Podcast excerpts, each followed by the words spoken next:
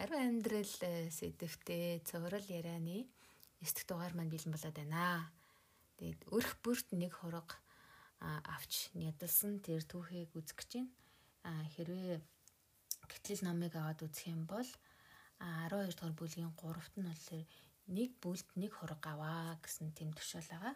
А 23-т нь болохоор эзэн Египтчүүдийг цохихоор өнгөрөх болноо. Тотго ба хоёр хатчин дахь цусыг хараад эзэн уг үүдийг алгасаж та нарыг цохихоор гэрччин орохыг устгагчд жишүүрэхгүй гэсэн тийм ишлэл байгаа. Энэ юу гэсэн үг вэ гэхээр тухайн үед бол Египтчүүд эзний үгэнд дуулуургүй анзнаас болоод эзэн тэр 10 гамшигыг буулгасан байгаа. Тэгээд эдгээр 10 гамшигын хамгийн сүүлийнх нь болохоор тэр айл бүрийн ууган үрийг одоо устгах тийм устгагчийг тэнгэр элчийг илгээх гэжсэн. Яг тэр шүнд наан нь эзэн Израилийн ард түмэнд хандаад та нарын нэг бүл нэг хургийг аваад хургийнхаа цусыг тотго ба хоёр хатвчандаа түрхээрээ. Тэгэх юм бол одоо тэр айлыг тэр үхэл алхаснаа гэж хэлсэн байгаа. Тэгээд энэ хурган нөөрөө эзэн Есүсийг бэлэгдэжсэн байгаа юм л та. Тэгээ хожим эзэн Есүс хүн бүрийн гим нүглийг үүрхээр яг хорог болгон нядлагдаж за тэгээд итгэсэн хүн болгоныгоо зөвтгөн аврах байсан. Харин энэ удаад би бүр анх удаага энэ хургийг бүр гэр бүлд өгж исэн байна гэдгийг анзаарлаа. Өмнө нь болохоор анзаардаг хэрэгсэн гэсэн нэг тоохгүй өнгөрчдөг гэсэн. Тэгэхээр яг гэр бүлэрээ ийм ерөөлтөө ийм хурганы цусан доор хоргодох тухай бичсэн иншчлээс одоо итгэгч гэр бүлүүд ямар зүйлийг ойлгож хүлээж авч урамшиж болохоор байна уу? Энэ зүйлийг эргээд ингээ харахаар яг нэг бүлд нэг хурах гэж байгаа. Нэг хүнд нэг хурах биш. Тэгэхээр э, хэрвээ тухайн айлд э, одоо өнөөгийн нөхцөл байдлаар харах юм бол э, жишээ нь миний гэр бүл аврагдаг. Одоо аав ээжийн гэр бүл маань аврагдаг. Тэгээ би хүнтэй сухасаа өмнө ингээд гэртээ ганцаараа аврагчиж. Тэгэхээр надад тэр гэрийнхэн бусад ах トゥ аав ээжийнхээ төлөө тэднийг амируу хөтлөх тийм хариуцлага ирсэн болов гэж бодох юм. Тэгээд эзний ариун хүмүүсийн амьдарж байгаа орон гэрийг болон гэр бүлийнхэнтэйгээ явуулж байгаа харилцааг эзэн бас өөрийнхөө хоргоны тусаар хариуцгаж өрөөж идэм болов уу гэж надад бодогдож байна л та. Аа. Бас тухайн бүлийн эцгүүдийг дуудаад энэ тушаалыг өгснөөс харахад бол эцэг хүнд бүр гэр орноо бүхэлд нь хамгаалах тий тэр устгагчаас ялангуяа ууган үрээ хамгаалах тэр үүргийг хариуцлагыг үүрүүлсэн байна шүү дээ. Тийм. Тэгэхээр тэр гэрийн төргүн эхнэр өөр хүмүүстүүдэд тэдний амь сэтгэлийг хамгаалах тийм том хариуцлага өгдөж байж л тий. Тэгээ тэр хүн яг өөрхийнхөө тэргүүний хувьд бол одоо тэр хургыг тэдний амийг хамгаалахын тулд төхөөрч бэлдэж цусын тэр тодого хатвчундаа төрхөж байж. Тэгээд энэ шинэ гэрэн дээрээс бас харахад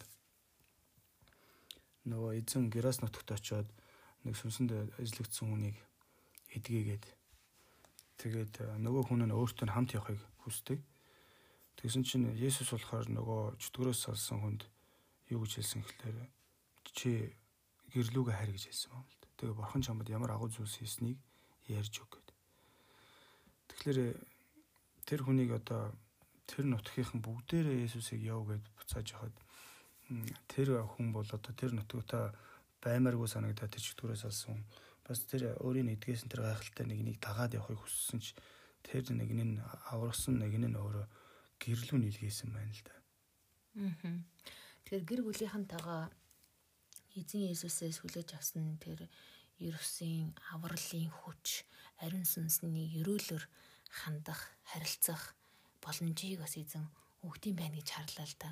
Харин тэгээ би бол бодох нь тэр өвчнөөс сүнснээс салсан, чөтгөрөөс салсан тэр хүн бол хамгийн дөрөнд гэртээ очиод бурхан надад ямар агуу зүйл хийв гэдгийг эхлээ гэрийнхэндээ ярьж байгаа. Тэгэхээр нөө гэрийнхэн чинь тэр хүний гэрийнхэн нь бол тэр хүний ямар байсан мэдчихв шүү дээ. Сүнсэнд эзлэгдээд ямар өвчтөй зовлонтой тэр өхөл буршнуудын дунд гинжээр хичнээн хүлэгдээж тэрийг тас татаад буршнуудын донд оргинж ясныг бол гэрийнх нь мэдчихэж байгаа шүү дээ. Тэгэхээр тэр хүн эхлээд гэрийнхэндээ очиод ярихад гэрийнх нь хараад тэр хүний өөрийнх нь хүүхэд байна уу, хүүн байна уу, нөхөр нь байна уу ямар гайхалтай өөрчлөлт болсныг хараад хамгийн түрүүнд итгэсэн баг гэрээ. Тэгэхээр эндээс бас нөгөө аврагдаагүй нөхөр нь ихнэрээрээ аврагдаагүй ихнэр нас нөхрөөрөө ингээд аристима гэсэн үгний утгыг бас ойлгож болмоор санагдаж байна л та. Урд нь болохоор жоохон ойлгоход хэцүү ягаад тэгэхээр одоо нөхөр нь аврагдчих юм бол эхнэр нь бас заавал эзнийг хүлээж авах шаардлагагүй ингээл арилж болох юм уу гэсэн тийм асуултууд тавиад байгаа шүү дээ. Тэгэхээр тийм биш мөртлөө эзний тэр ариусгалын ажил тэр гэрт ороод ирд юм байна. Тэр тэр аврагц зүүнээр нь тий. Тэр хоёр хүний харилцаан дээр бас эзний юрөөл энэ цусаа урсгаж цэвэрлчихсэн тэр ариун сүнсний хүч ороод ирд юм байна гэж би харж байна л та. Тэгээд бодохоор бидний шин заримдаа би бас одоо гэр бүлдээ итгэсэн хамгийн анхны гишүүн байсан. Нөгөө итгэдэггүй хүмүүсээ барил сатаны гар хөл дандаа буруу юм боддог гэл э, айхтар одоо хараах нь холгүй тийм э, хүнд хүнд ял тулган шүү нөгөөдөлдөө тэгээ бодохоор тийм арга барилаар нөгөө хүмүүстэй хандах нь маш буруу байгаа байхгүй юу? Бид нэр тэр хүмүүсээ баг үзэн ядж байгаа юм шиг юм буруу ойлголт төрүүлэхээр биеэ буруу авч явах нь өөрөө эргээд бүдрүүлэх чулуу болчихж байгаа. Эзэн дээр хурж ирэхэд нь баг гай болж байгаа харин эзний одоо үгийн дагуу итгэлээрээ дуулгартай болоод эцэг бүрэн зөрсгөлээсээ ингээд хүндлэхэд эргээд нөгөө ээж аавд маань бас хамт одоо амьдардаг ах дүүс одоо хин байдгийг тэд нарт бас юм гүн нөлөө үзүүлээд үлгэр жишээ болоод харин чиг өө яана би буруу ойлгож байсан байна. Э, танаа бурхан ч харин зөв юм заад юм биш тэгээд хурж ирээд аврагдах тэр боломж нь нэгдд юм байна харин тийм ээ тэр нөхрөөрөө ихнэрээр ариусна гэдэг нь аврагдлаа гэсэн үг биш. Нэг нь аврагдахад нөгөөх нь автоматар аврагдлаа гэсэн үг биш. Харин тэр нэг нь аврагдаад тэр нь ариун амьдралаар амьдраад эхлэхлээр нэг гэсэндээ тэр ариун байдлын үр тэр герт таригдчихлаа гэсэн үг шүү дээ. Тэгээ тэр үр хэрвээ сайн ургаж чадах юм бол босод хүмүүс тэр үр жимсийг хүртэх боломжтой. Аа бас ариусгах боломжтой гэдгийг хэлээд байгаа юм шиг санагдаж байна л да. Тэгээд нэг гэсэндээ бурхан өрх бүрд нэг юм ариуслын үрийг тариал яваад гэдэг байна шүү дээ. Тэгээд одоо тэр үр хэрвээ сайн ургаж чадах юм бол тэр үрээр дамжин бусд нь ч гэсэн ингээд ариун тэр үр жимсийг идэх боломжтой. Тэр Филиппой хотод бас Паулыг шоронд харагдаж хагаад нэг хоёг аврагдахад чи болон танаа гэрийнх нь аврагдана гэж хэлдэг тийм ээ. Тэгээ бодохоор нэрээ үнэхээр бурхан одоо хургийг бол гэр бүлд бэлгэлж исэн байна дээ. Тэгэхээр тийм өгөөмөр гэр бүлэрээ аврагдаасаа өр хүүхэд нь бас аврагдаасаа гэсэн сэтгэлээс ханддаг нь эндээс харагдаж байна. Тэгээд хүүхдүүд маань мэдээж өөрсдөө ухамсартаа оюунлаг шийдвэр гаргана штэ. Хизээч одоо э, зүгээр л одоо би ээж аваагаа дуурайгаад христчин гэж хэлснээр тэр хүн аврагдахгүй. Зүрстгэлдээ бурхныг оруулж бурхантай харилцаад болсноор тэр хүн бол аврагдж байгаа.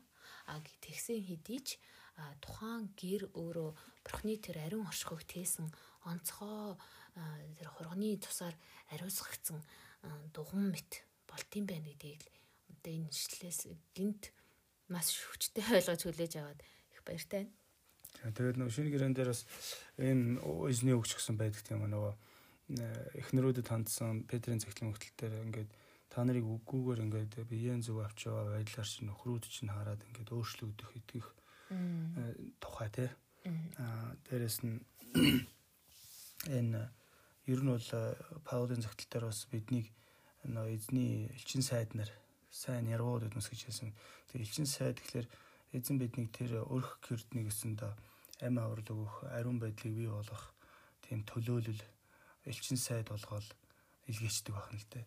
Тэгээ хэрвээ бид харин хандлага сэтлээ үгээр аман зөв байж чадах юм бол өөрийнхөө тэр гэр дотроо яг тэр дээгүүр нь үхэл өнгөрч гарч байгаа шиг бид тэднийг үхлээс золих, үхлээс холдуулах, бултуулах, амирууд эднийг хөтлөх, ариун зам руу дагуулах тийм амьдрал руу дагуулах тийм л одоо төлөөлөл болоод үлддэг байна шүү дээ. Бизнес. Тэгэхээр гэр бүлийн тогтолцоонд байгаа энэ эрх мэдлийн бүтцийг авах юм бол дээр нь ээж аав нь гэр бүлээ авч явж байгаа хүүхдүүд нь ингээд дуулууртаагаар захирагдаад ингээд бүлээр оршиж байгаа дээ тий. Аа тэгэхээр эцэг их нь бурхны мэрэгүү ханаар хайраар үр хүүхдүүдтэй хандж байгаа үед бол хүүхдүүд яг бүрэн утгаар эрүүл саруул ингэж хөгжиж харилцааны тэм доолдол багтаа би хүн бол төлөвшөж байгаа. яг тэрэн шиг одоо байгууллага дээр жишээлбэл итгэгч хүн удирдлага нь байгаа бол доор нагаа ажилтнуудаа маш их өрөөл өгөх бас боломжтой байхгүй яг л нөгөө энэ нэг бүлд нэг хураг гэж хэлж байхдаа хэрвээ танаа бүл хитрхи цөөхөн байгаа бол хөршүүдтэйгээ нийлээд нэг бүл болоод хургаа нядалж болно шүү гэд эзэн хэлснийг харахаар бас ийм гэр бүлийн харилцаанаас гадна ийм хөршийн найрсаг харилцаатай байгаасаа гэсэн тийм хүсэл харагдаж байгаа шиг байна гэж би харж байна. Тийм яг хөршөө хөршүүд хоорондоо нийлээ нэг хураг аавна гэдэг чинь одоо энэ байранд бол одоо зарим айл хөршүүд бол бараг л хажуу хаалганыхаа үнийг танихгүй хаалганы цаана амьдарч байгаа шүү дээ. Тэгэхээр энэ Израилийн ард түмэн соёл нь бас эзний тэр өөрийнхөө ард түмнөөс хүсч байгаа зан үйлийг харахад бас ингээд энэ хөршүүд ард түмнүүд ингээд хүн хүнийхээ төлөө өгсөн тийм ер нь бурхан байгаа гэж дунд нь захиж тавиад байгаа юм шиг санагдав. За тэгэхээр өрх бүрд нэг хураг гэсэн сэдвэр хийсэн ярилцлага маань өгөр өндөрлж байна. Тэгээ анхаарал тавьсан та бүхэндээ баярлалаа. Баяртай. Баяртай.